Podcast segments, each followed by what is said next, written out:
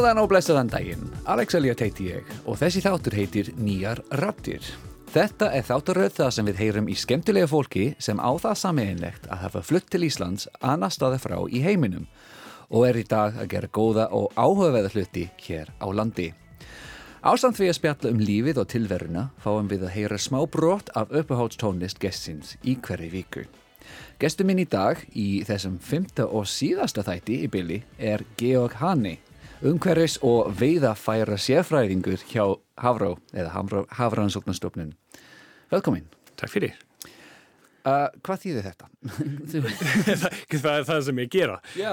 Ég meina, í raunni er ég veiðafæra sérfræðingur fyrir stopnunin sem þýðar það að við og stopnunin, alla veiði er gert með eitthvað veiðafæri. Akkurat. Og það er bara alls konar rannsóknir til að gera veiðafæri meira umhverfisvænir hérna gera veiða fyrir meira svona að hafa bara meira seleksjón var að veiða bara þessari fiska sem þú vilt að veiða mm -hmm. og mikið rannsóknir í því og við sem rannsóknarstofnun á Íslandi sem sinna mikið fiskveiði það er alltaf eitthvað verkefni sem kemur upp á sem við þurfum bara sinna eða bara fylgja með og umkvæðsfræðingur er ég bara myndaður mm -hmm. og hluta mín að vinnu er bara líka fylgjast með plast í sjón, mest svona makroplast sem kemur mest frá veiðafærum hér í Norða-Allandshafi og út af því kallir ég mig líka umkvæðsfæringur út af því það er ekki bara teiktæknilegt sem, sem ég gera, það er líka mikið umkvæðsfæri og fylgjast bara með útbreystu plast í hafi.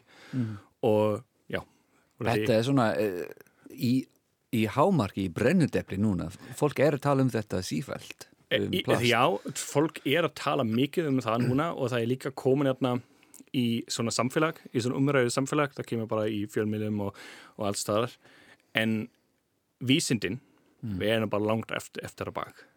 Það sem við vitum almennilega um útpreyslu og hversu stort hérna vandamál er í rauninni. Mm. Við vitum það bara reykar alltaf upp eitthvað ströndum, stanslaust. Það er hluta því að ég er bara eld gammal mm. geta verið 20-30 ár gammal eftir 100 og það myndi bara reyka aftur upp, en þá upp á ströndum hérna dóti sem þetta er sjó núna. En hvers að rætt brótað nýður hvers að rætt bara að vera það mikroplasti sem kannski kemur í, inn í fóðukeðja og svona, við vitum svo litið um það. Og við erum bara í rannsóknir bara í frumstegi núna. Og það vandar bara mannskap, það vandar fjármagn, það vandar bara alls konar. Mm. og Já, það er stundum ekki bara nóg að tala um þetta. Það er þarf líka að gera eitthvað og byggja upp þekkingu og, og eitt sem er vist, við gerum það ekki bara einn hér á Íslandi. Það er vandamál sem er bara um allan heim og við finnum plast hér sem kemur frá Rúslandi, sem kemur frá allstaða, annar staðar. Og það er ekki en, nýtt, því að Reykjavík til dæmis já. hefur alltaf komið beint hingað frá Rúslandi og já. svona þetta er alveg eins nema plast Jú, en öruglega hérna, plast er svolítið öruvísi í, úr því hlutin eru er smæri, svona litla hluti það sem er finnast tröndum er bara með, helst hluti sem er að fljóta mm. og ekki sekka nýður, það er líka mikið plasti sem fljóta ekki, sem sekka bara beint nýður á botnin og það er mikið af því sem við vitum ekki um Er það betra eða verra? Ah, að bróta enn, enn hægar nýður mm. er, er það líka bara hafsbotni sem getur verið bara gott að það brjótast ekki niður bara hratt í mikroplasti en það myndir samt brjótast niður en svo er það vandamál eftir 100 ár, 200 ár en það er samt vandamál. Já, einmitt, við erum bara kannski að geima vandamálin lengur. Svolítið, en við hefum, við hefum geimt vandamálin í, meina, hvernig að nótkunni plast, hvernig byrjar það að vera svona mikið, það er kannski 1950, 60 og eftir það og það var ekki gert í 50 ár og það var bara hendi sjó úr því það var bara algengt mm. eða það var ónýtt henda það bara sjó það hverfu bara mm. og þessa tímabil sem við hefum bara hendi sjó án þess að hugsa um þetta þetta við fáum það ekki tilbaka og við þurfum bara að klíma við þessa vandamál núna mm. og kannski er reiklugerð núna aðeins er það betra og við erum búin að banna plastpákar og það kemur allt núna en það er bara þessi tímapunktu sem við erum akkurat í núna og allt sem kemur núna eftir þurfum við enn en að glíma við gamla svona synd fyrst og fremst. Og Þetta, þetta er svona umræðu efni sem ég gæti alveg talað um endurlaust og ég vil tala meira um þetta en ég, kannski ætti við að spila lag. Hérna, gerum við það bara. Já, hvað er fyrsta lagið þitt? Það er Snarky Puppy, sem ég hef aldrei hétt um áður. Já, e, það, og ég kom að því hérna, ég held þau hefur verið bara í, í tíu ára minnstakosti bara búið til tónlist það er svona fusion hérna tónlist svona jazz, funk, rock og það er að feika stort bandalag. Það er svona 19 svona membra sem eru bara aktív en samt er það að skipta alltaf mitt í lög og mitt í hérna, tónleikar og svoleiðis.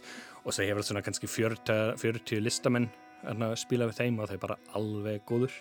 Þeir eru bara Já, ég veit ekki, það, og, og það er bara alveg frábært stemming hjá þeim og mér finnst það bara gaman að lusta þetta. Og þetta lag heitir Shofukan, We Like It Here. Gerð svo vel.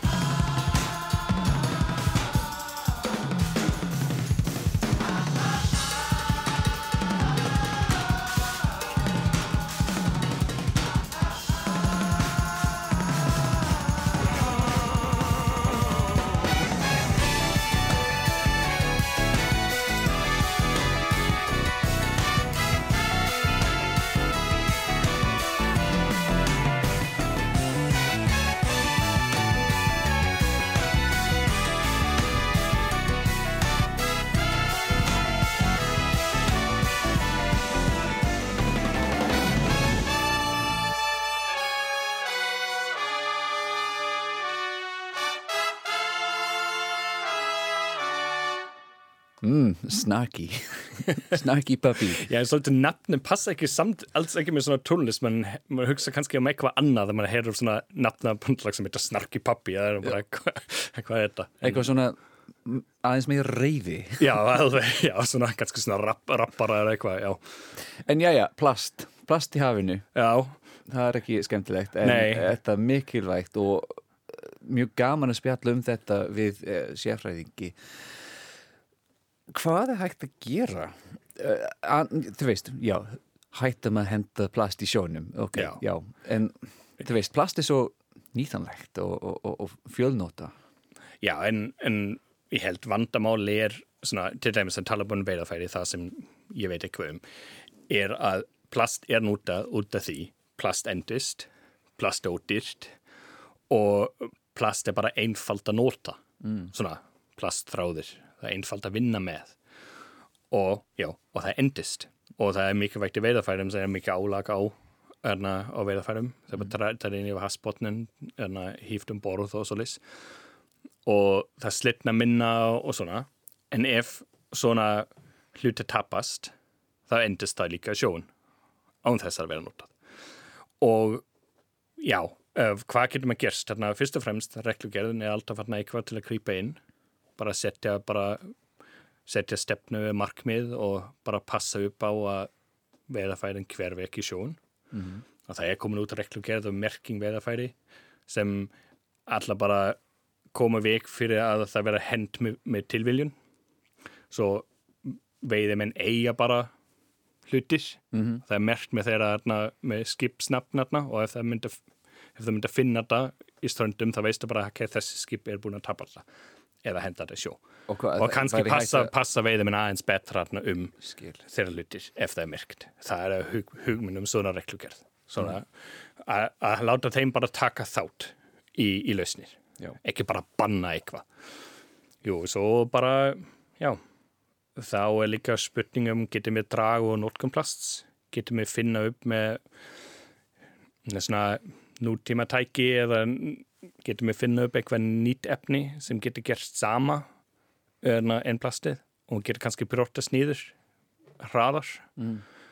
svona umhverfisvænt efni Þegar Þetta er í, í elli sér svona mjög einfalt og gamaldags. Við erum bara að setja nett í sjóin og draga því og svo kemur fiskin. í, í rauninni hefur ekki mikið breyst í síðustu svona kannski stæðin að troll og, og, og já, eins og efni hefa aðeins breyst þarna sem er notað.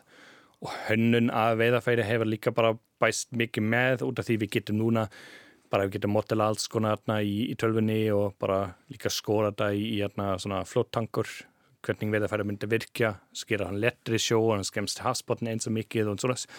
En svona bara konseptin af veiði. En, en það sama. Mm -hmm. það er eitthvað í botni, hífar það um borð góðan daginn, ég er ekki með fiskir. Svona, og það er svona í það er eitthvað sem allir vilja að- er að geta haldið þetta áfram eitthvað svona á sjáfbæran hátt og ekki skemma sjóin ekki skemma hafsbotnin ekki, þú veist, tæma sjóin það er svona ég held það í, í, nú í dag myndi allir undirrýta það bara að þú líka veiði menn þau vilja ekki skemma þeirra framtíð. Við viljum bara halda áfram að veiða við viljum halda áfram að veiða bara veiði í eitthvað hátt sem já, gera bara kannski hundra ár og í framtíðin. Svo er spurning um hvernig hérna, loftsatsbreytingum myndi að koma kannski í veg fyrir það. Þannig að við getum bara skipuleggja veiði núna í dag eins og gott við viljum. En loftslagsbreytingar geta hald, hafa alls konar áhrif og útpreysu tegundar og, og svona, að marga luti sem við vitum ekki um. Mm. en það er nú ekki mitt fræði.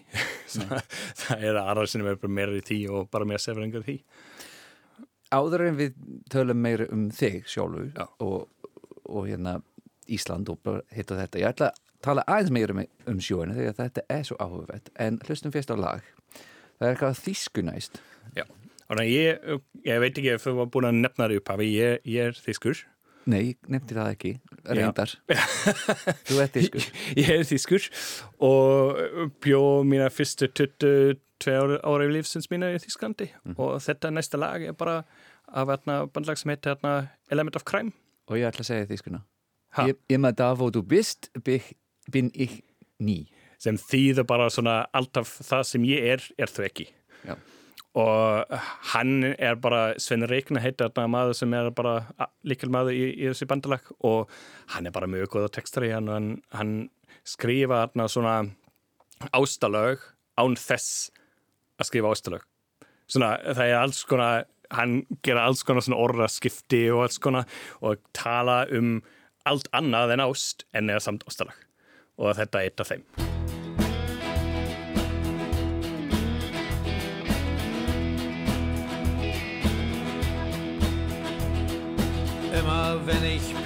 Nahm und hinterher beim Fahrradfahren im Steintor in die Rillen kam, gezogen für die Straßenbahn. Und in der Luft die Arme wie zur Massenhysteriebekämpfung schwenkte und aus Pflaster fiel, dachte ich, ich wär am Ziel. Immer da, wo du bist, bin ich nie.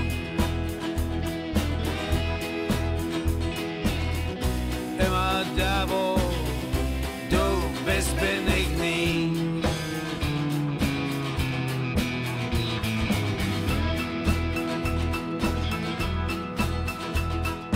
Immer wenn ich rauch ein Sog und mich die gute Laune trug und ich im ersten Stock vom Küchenfenster in die Bäume flog.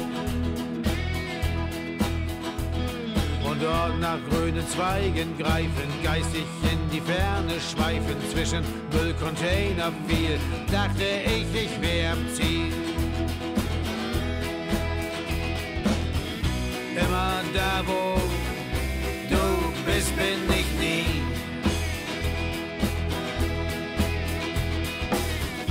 Immer da, wo du bist, bin ich nie.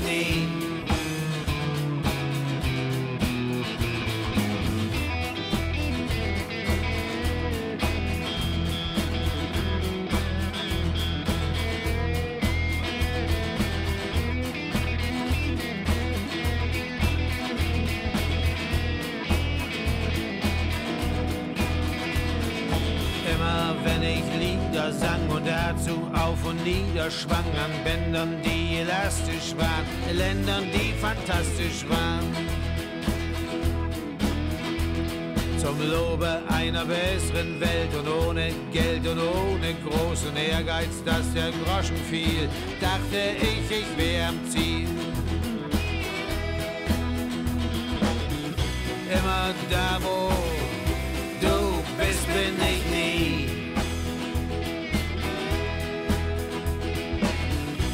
Immer da, wo du bist, bin ich nie. Immer da, wo du bist, bin ich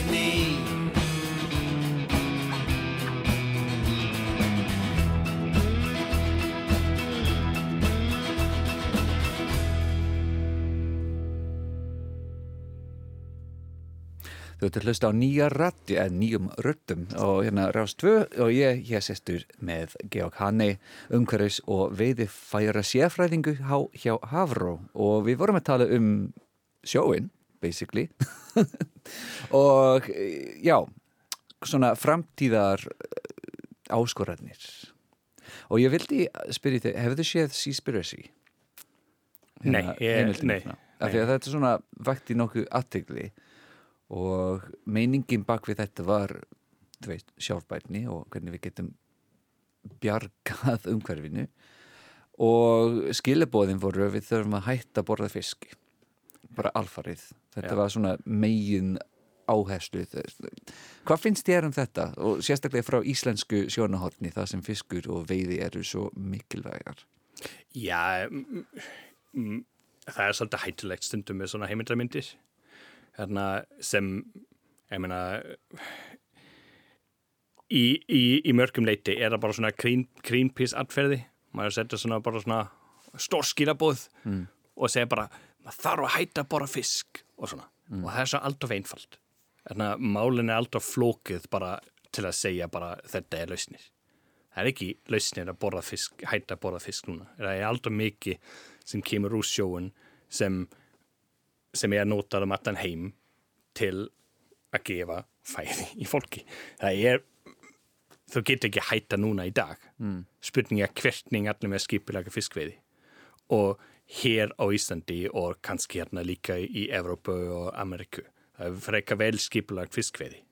Það sem er að vandamáli er kannski hérna svona í, í Kjærhafi og í kringum Asju. Það er alltaf mikið ofveiði mm. og líka stóra veiðiflóta sem fara bara allan heim og er að bara veiða bara á eitthvað slóðum sem eru bara alltaf viðkvæmt. Og það er engin rannsóknir, það er engin svona stoppmat gerst á, á það sem eru veit þar. Og það er með í vandarum úr því að það er engin eftirlít, það er engin, já, það, það er engin lögregla, það er ekki landtækjaskæslu sem er að fylgjast með því. Og jú, í svona slóðum er það kannski best að banna bara fiskveiði þar mm. áður við erum búin að setja upp eitthvað kerfi sem getur kannski klíma við veiði þar og bara setja eitthvað markmið og eitthvað hámark á, á veiði og eitthvað tegundir. Og líka það, þá, það sem ég kemur inn og bara kannski hanna eitthvað veiðafæri sem myndi passa bara á fiskveiði þar. En hér á Íslandi til hvers við erum bara með, með stöðugt hérna stopnunar mm. og bara velskipilega stopnunar hvað, hvað myndi breytast þá ef við bara hætta bara fiskveið í dag nema við bara missa bara rísastóra tekjur sem halda þessi land bara fljótandi? Bara... Þannig að, að, að þínum að því að, að Íslen, frá íslensku sjótnahotni þetta er sjálfbært. Jú.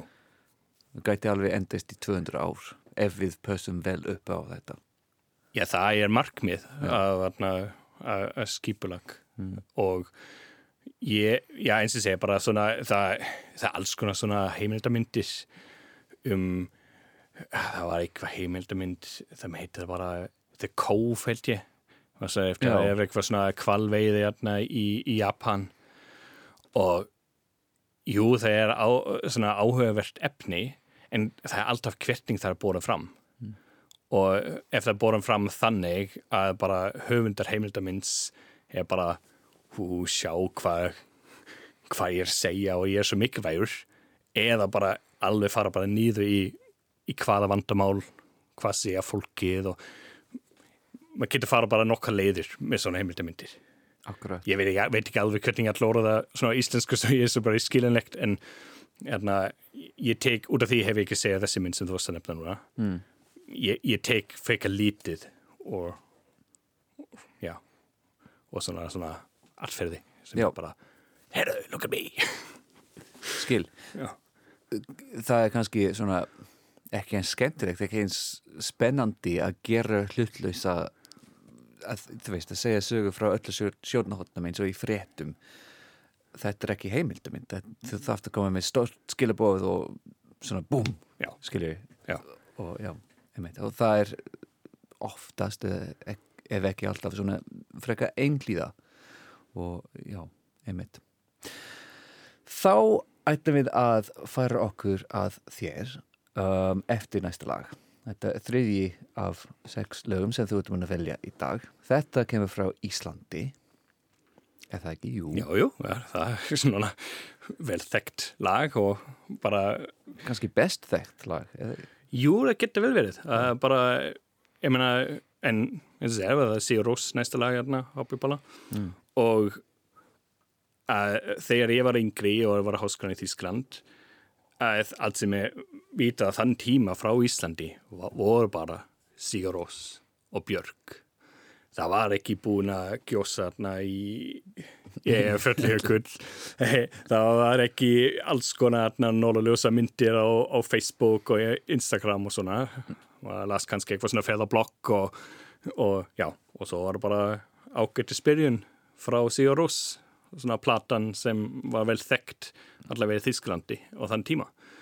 Og þá var bara mestlega það sem ég verið sem vituði af, af Íslandi á þegar ég kom hinga Já, þetta er ekki og því plata plötu. Nei, nei, það er En, já, hvað plata var þetta? Uh, hérna, takk. Já, takk, já. já Þetta er Hoppy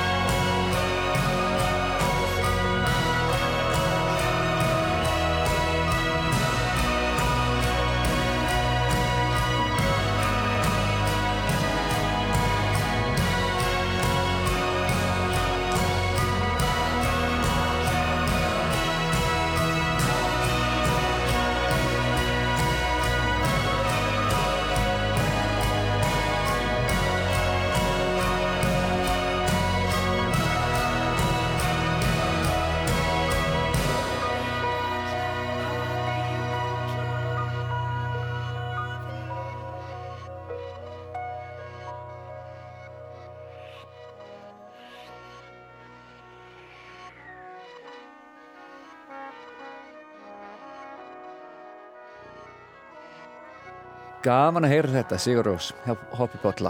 Um, já, Georg, þú býr á Íslandi, þú vinnur hér en þú ert upprunnið frá Þýsklandi. Hvaðan ertu þar? Ég fór á borg sem heitir Jena sem er háskólaborg í austu Þýskalands. Í Töringen? Já, uh, já, fylgir er hérna, Turingen er eins og minnst einna minnsta fylgirna á, á Þýsklandi og það er ekki marga stórborgir og heimaborgin mitt með 100.000 íbúar er bara einna stæsti og þá er bara, það er mjög fallegt landsvæði.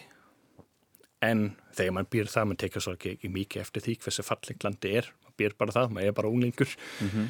En alltaf þegar ég fer heim núna það finnst mér að bara rosa fallegt að komast aftur þangað. Það er ekki svo langt frá Tjekklandi, eða ekki? Nei, það er kannski svona klukkutíma, einn og hófan tíma að gera mm. og komst í Teklandi og kannski þrjá tíma í Prag, þrjá fjöru tíma í Prag Já. og jú, en já, ég segi, ég var alveg upp í Jena svo fór ég í háskólan í Freiberg sem er nálegt Dresden sem er ennæri Teklandi Já, það er bara mjög, mjög nálegt hérna landamæri við Teklandi og þá var ég í námu vekkfræði sem er mjög svona mjög sérnám. Það er ekki markers en enn minna í dag. Minna námu? má, námu vekkfræði Eins og hvernig maður grafa nýður grafa nýður hérna í námu eftir salti eða, eða kól eða alls konar. Það er sérstakt. Já, og það við vorum kannski svona 5-6 mann á ári þegar voru það útskrifast en Hvað kom svo? Fórstu að vinna í námi eða á, á námi, í námi? já, það hef ekki getið Námu? sagt þegar hvernig. Það er ekki svo margi, það er bara svona nokkra svona grótnámi á, á, Íslandi. Kannski er bara hérna, já, ég veit ekki hvað maður segja það bara, í námi, já, örglega en allavega, hérna, nei ég, ég útskrifast hérna ekki alveg þar en fór freka bara hérna til Íslands í skiptinum og það var núna næstu því akkurat fyrir 15 ára síðan hérna ég kom í lok júli 2006 Já, og var hér í skiptinám og tók það ákveðin að klára hérna meistaranámi hérna.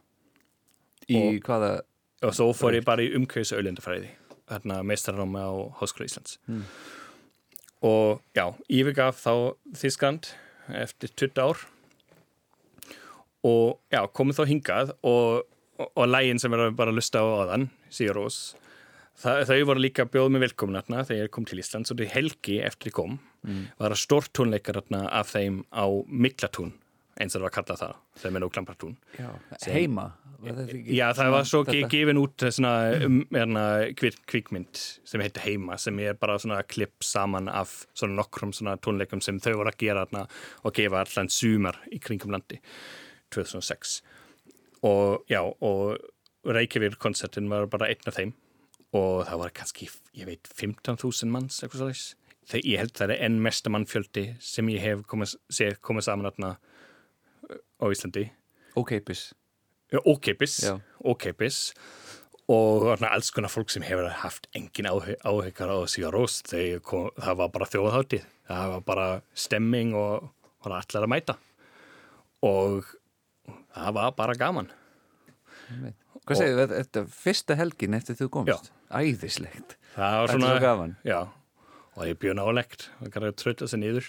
Og ég man eftir því hérna uh, í kæristu minna hún vildi fara heim, það var svo kalt. Hann er búin að koma til Íslands og, og það var kalt um kvöldi mm. í lók júli og svo hann að fara heim.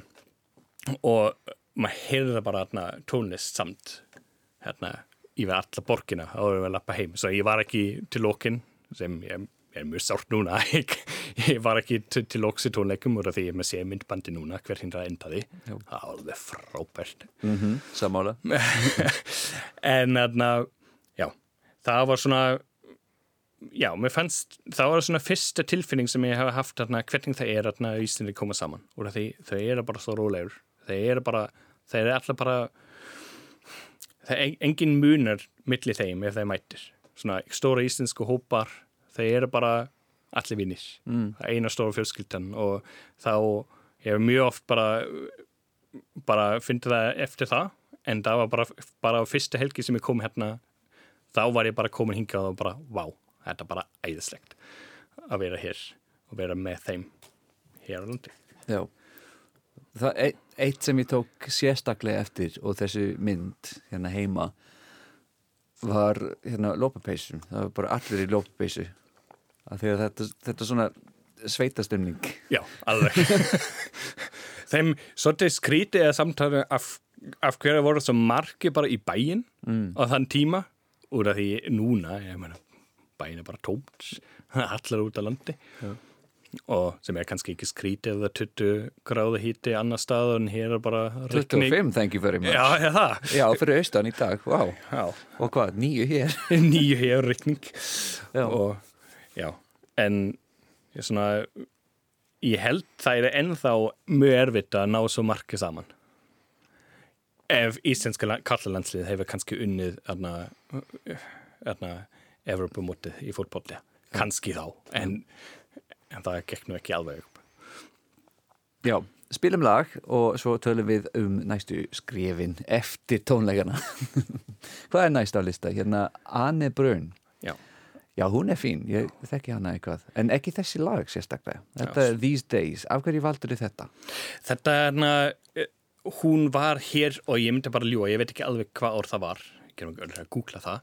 Hún var hér hérna á hérna, eh, hátið hérna í haustin Iceland Airways og var það að spila nokkra svona off-venues. Mhm.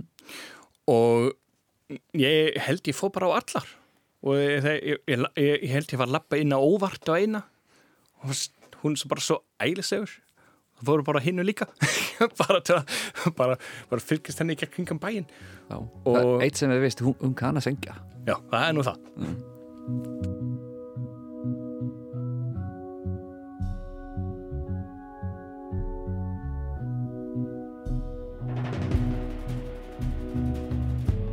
There were nights and mornings when you clung to me. Found your way into my bones, my joints, and into my veins. Like an animal, you coiled your darkness around me.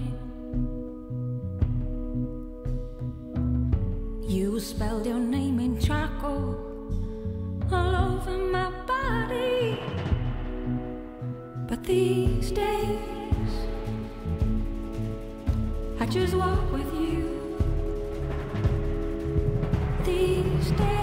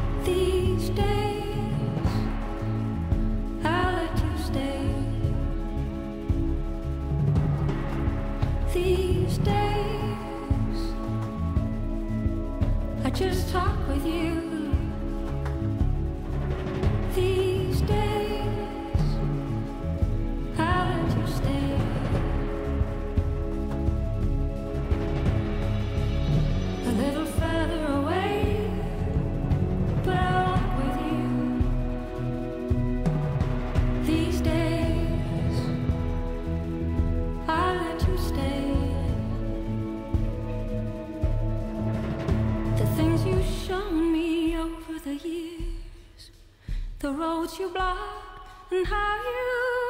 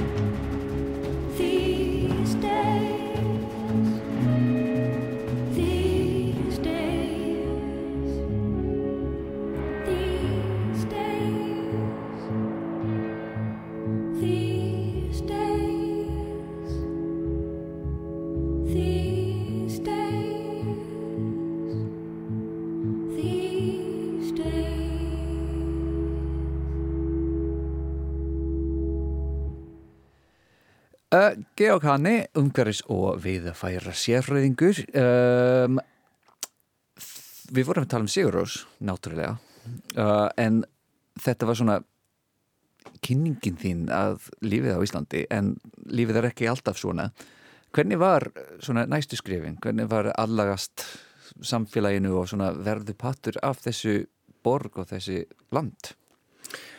Já, það eins og segja, það er svolítið misjáft hér landi, að stundum er man bara hlutast í samfélag og líða man bara mjög vel og það er bara gaman og stundum er man alveg til í þar og hugsa bara ég vera aldrei bara partu af þessi og bara vera aldrei ístendingur sjálfur en í, fyrsta árum það var kannski ekki svo mikilvægt þegar maður var hérna í, í borginni mm. að tala alltaf hensku ég var líka í háskólan í svona já, svona alþjóðan hópur svona, svona market- ekki, þú varst í skiptináma þann þeim tíma? Já, skiptinám og svo eftir það var í meistarám sem lík, voru líka bara helmingur að að heinu nefnir voru bara elun upprunni. Nýflir til Íslands líka og maður var að gera mikið með þeim bara. Það er eins og það er bara. Og já, og þá það fór svona það fór frekar rólegt og hægt að bara svona vaksa inn í, í samfélagun en þó ég, ég veit ekki ef það var fyrst, fyrsta vetur eða, eða nei, það var ekki fyrsta vetur það var svona annar vetur sem ég var hér þá var ég búður hérna heim ég fjölskyldan, íslensk fjölskyldan yfir jólin á 27. Mhm. þarna uh, var ég bara búin hérna í mat? Og það var bara æðislegt. Það var bara svona, það var stór fjölskyldan sem kom saman og, og ég hef bara ég satt aðeins til líðar talaði engin íslenska þann tíma en þau voru bara svo rosa næs og þá gæti ég bara íslenskan mat og malt og appelsín var í bóði og, og svona þá var maður að læra svona, svona pínluti hvernig er það? Svona inn í húsi já, íslenska fjölskylduna og það var bara já, ég var mjög þakklættur fyrir því. Og er ennþá mjög þakklættur fyrir því að hefur bara upplifað það.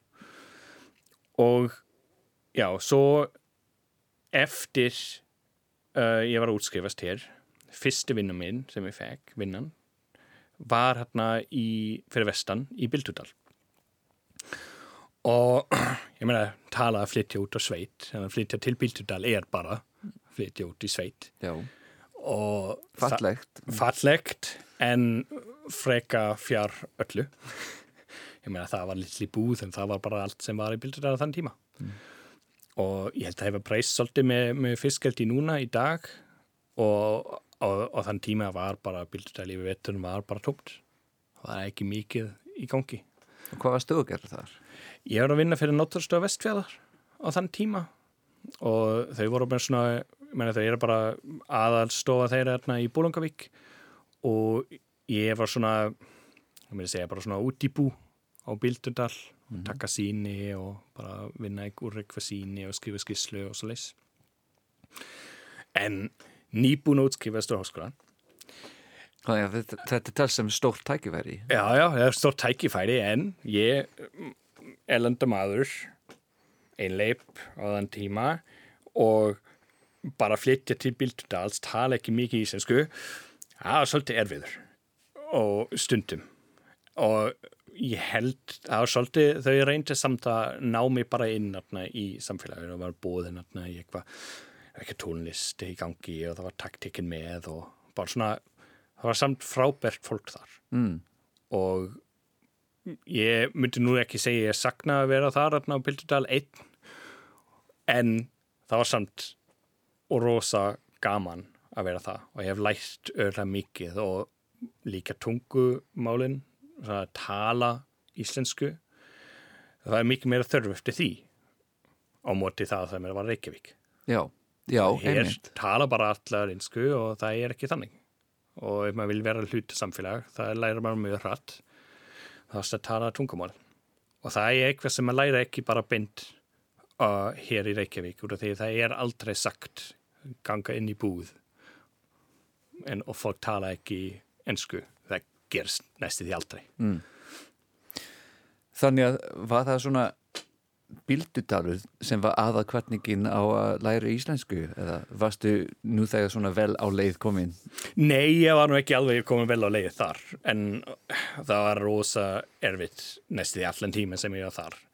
Það kom bara eftir á þegar ég var að byrja að vinna fyrir Havró og þá uh, maður fer út að sjó og maður vinna bara með fólk sem tala bara íslensku í vinna út af því maður er bara með sjómenn sem, jú, þeir tala bara, þeir tala ensku en vinna tungumálin er bara íslensku. Og maður finna bara mjög hratt en þú hefur lí, örlega líka upplifað þar. Ef maður reyna bara að tala ensku umhverju sem allir tala íslensku Það, það er eins og að koma svona, svona, svona þögn og það þurfa allir svona klokk, klokk, klokk, klokk, klokk, klokk, skipta tungumálin og það tala bara allir við þig. Þau tala ekki milli þeirra ekki lengur úr af því þau er búin að skipta yfir ensku þau er búin að skipta yfir ensku uh, út af þér og bla bla. Og maður finna alltaf fyrir það að það breytist bara umræðu bara strax ef maður skiptir tungumál og þá tók ég bara ákveðin á fyrsta sjófæði mitt sem ég fór 2013 í vor að tala bara íslensku.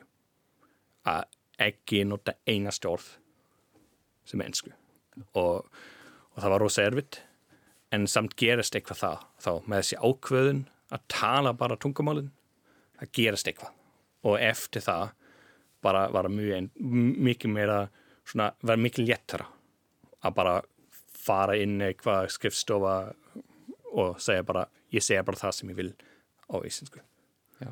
Kannski spurning eitthvað um svona sjálftraust, sjálfstraust, það er nú það, örgi. Já.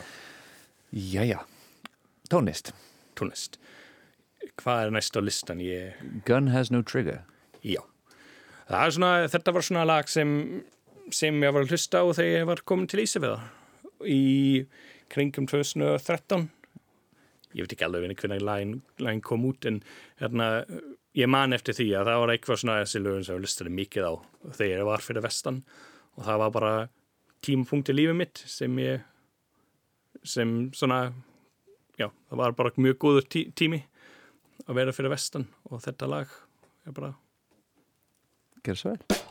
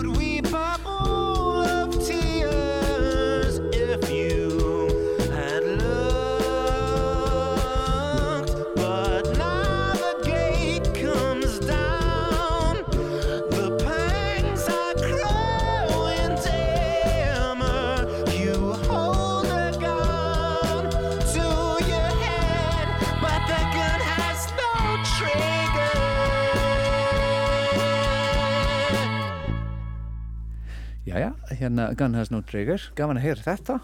Um, við vorum að tala um íslensku og, og hvernig var að læra tungumálið og hversu erfitt það er. Uh, þó jáfnvel skemmtilegt. Uh, hefðu og þú varst að búa á Ísafeyði og Bíldudal Já. fyrir vestan Já. hefðu búið annar staðar á landinu nema hér í Reykjavík Nei, ég er bara svona, ég flytt frá Íslandi nokkur, nokkur sinni og sem hefur líka haft mikil áhrif um hérna, hvernig ég hef búið á Íslandi. En ég fór eftir útskrifastöðna úr mestanámi það fór ég til Ástralju og það með bara datt bara í hug það væri bara gaman að vera eitthvað annar staður allt annað en Íslandi. Svona Satt. Já, maður svolítið, svolítið þessi, þessi lífið mitt á Íslandi er búin, ég ætla bara að fara eitthvað annar stað og byrja bara nýtt líf út á Ástali. Og það nú ekki alveg upp. Svo kom ég aftur bara til Íslands. Og svo flytti ég til Portugal 2011, eða svona 2011-12. Þegar ég var svona búin á, á Byttudal og var gott tilurinn það gekk ekki alveg upp fyrir mig þegar það var svolítið erfitt að vera það hérna, einleipu maður og já, fór til Portugal var það bara hátt ár áttamánuð eitthvað svo leys og kom aftur til Íslands. Og svo svo hefur það bara svolítið verið þarna, að svona, stundum með svona tímabil hér á landi og stundum færi bara nóg að því. En það er minna því núna í dag en á þann tíma. Maður var svolítið bara Íslandi er bara alveg frábært en er það bara allt get ég kannski gera, vera eitthvað annar staður? Er lífið kannski betra annar staður? En í lókinni kom ég svolítið að því að nei, það er ekki það. Það er bara fyrir mig svona öryggustu staðin er bara hér á Íslandi. Út af því og ég veit ekki að þú hefur upplifað það þessi land leifum mann bara að vera þú má bara vera hér það spyrði enginn af hverju og hvað þú gera og hversu lengi hefur þau Nefnir ég í dag. Já. Já. Nema Nei, einmitt. Nei, en nei, það er svolítið frekar lítið pressu um, um það sem um hvað ertu að gera vinnu hvað ertu mentaður hvað viltu að gera næst eitthvað svona pressu sem ég hef upplifað mikið hérna, heima í Þýsklandi að það er svolítið í samfélaginu hérna, eða segjum við þú ert með doktorskráðu og vilt að vinna í bar. Af hverju? af hverju, hvað ert að gera það? Þú ert mentur að gera það eitthvað með því lífin þínu og bara halda áfram þessi braut sem þú ert búin að, beigja á þegar þú varst 18 ára gammal en hér er maður bara að breytast þegar maður er 40, 5 eða 50 ára gammal og fara að vera aftur í háskólan spila það enginn af hverju. Og, og svona þessi að upplifa það gera Ísland bara svona öryggun stað og það veist bara að þú getur bara að mæta og bara finna þig eitthvað að vinnu og það er komin öryggt og það getur mátu mát bara að vera hér. Mm. og það er einfalt líf en það er bara gott líf. Og já, út af því hefur alltaf snúið tilbaka til Íslands. Hefur bara elendis hún kom bara til Íslands, ég fór ekki til Þísklands ég kom bara hingað út af því ég, ég var bara fullt viss og bara að ég, ég má bara vera hér Já. En þr- þrátt fyrir þetta svona sveigarleiki um, þú ert í vinnu hjá Hafró hvernig gengur það? Hvernig er næst, næstu skrifin þar? Ertu, svo, þú ert örglega svona ánæður í því starfi og í- Jú, það er bara að vinna fyrir Hafró er bara frábært það er bara frábært vinnustæður við erum svona bara mjög fullbrætt vinnustæður líka. Þarna svona marki verkefni sem er að sinna sem er bara svona er ekki alltaf fiskifræði er, er sama. Mm. og maður getur verið hluta af alls konar rannsóknir. Ég meni til dæmis að ég fer á sjó þar sem ég er bara í fiskelappi og mæla bara fiskar. Og um, það er nú eitthvað sem sem maður getur bara gert. Maður læra bara það sem maður þarf að gera þá fer maður bara á sjó. Og ég veit ekki marga vinnustæðu sem leifa mann er svona tækifæri að gera bara eitthvað allt annað sem er kannski, kannski ekki beint mentaðu fyrir. En uh, þú fara bara út og gera eitthvað skemmtilegt og það er bara svona nokkar daga og þá fer snöðu bara heim og fara aftur í skrifstofa. Og ég myndi bara, ef ég væri ekki lengur að hafra og myndi bara sakna þetta mikið. Að bara bara breyta bara vinnum hverju bara í nokkar daga. Fara bara út, langt út fyrir landi og taka bara þátt í annar rannsóknarverkefni. Og fin- finnst þið að eiga svona alvöru tækifæri til að breyta eitthvað í heiminum svona í þessu starfi svona að þegar þú ert í rannsóknum svona, Já, ég, ég sjálfur hugsaði ekki þannig. Það er vinnu og jú, maður reyna bara að gera það sitt bestu en vísindaheimin er bara mjög sjaldan að því að þú sem þessi eina maður breyta bara heiminu, þú teka bara þátt í stort verkefni og stundum sér man aldrei það sem hefur breyst, og því það er bara mjög oft bara smá hlutir sem hefur áhrif á. Og já, vi, það er engin svona, svona Elon Musk moment. Þegar maður bara f- bara finna eitthvað upp og ég er bara svona maður er það bara the man og gera eitthvað. Og ég hugsa ekki um minna mig þannig. Að maður er bara maður taka bara þátt í eitthvað sem þarf að gera. Það þarf að gera þetta, þetta er að vinna og, og við sinnum þessi vinnu. Og sem betur fyrir eitthvað sem mann er bara mentari fyrir og mann hefur bara gaman að því. Og það er það sem skiptir helstu máli. En ef mann man, man gera gaman að því það er meira líkur að maður reyfar eitthvað og maður bara finna upp kannski eitthvað nýtt verkefni eða bara eitthvað hugmynd sem breytir þá í verkefni og finna styrk fyrir það og sinna það verkefni og jú, það kannski breytist eitthvað. En ef ég get meta það sem hefur breyst það er annað annar spurning. Já, einmitt. Þetta er mjög spennandi og svona já, góð lýsing af, af, af því.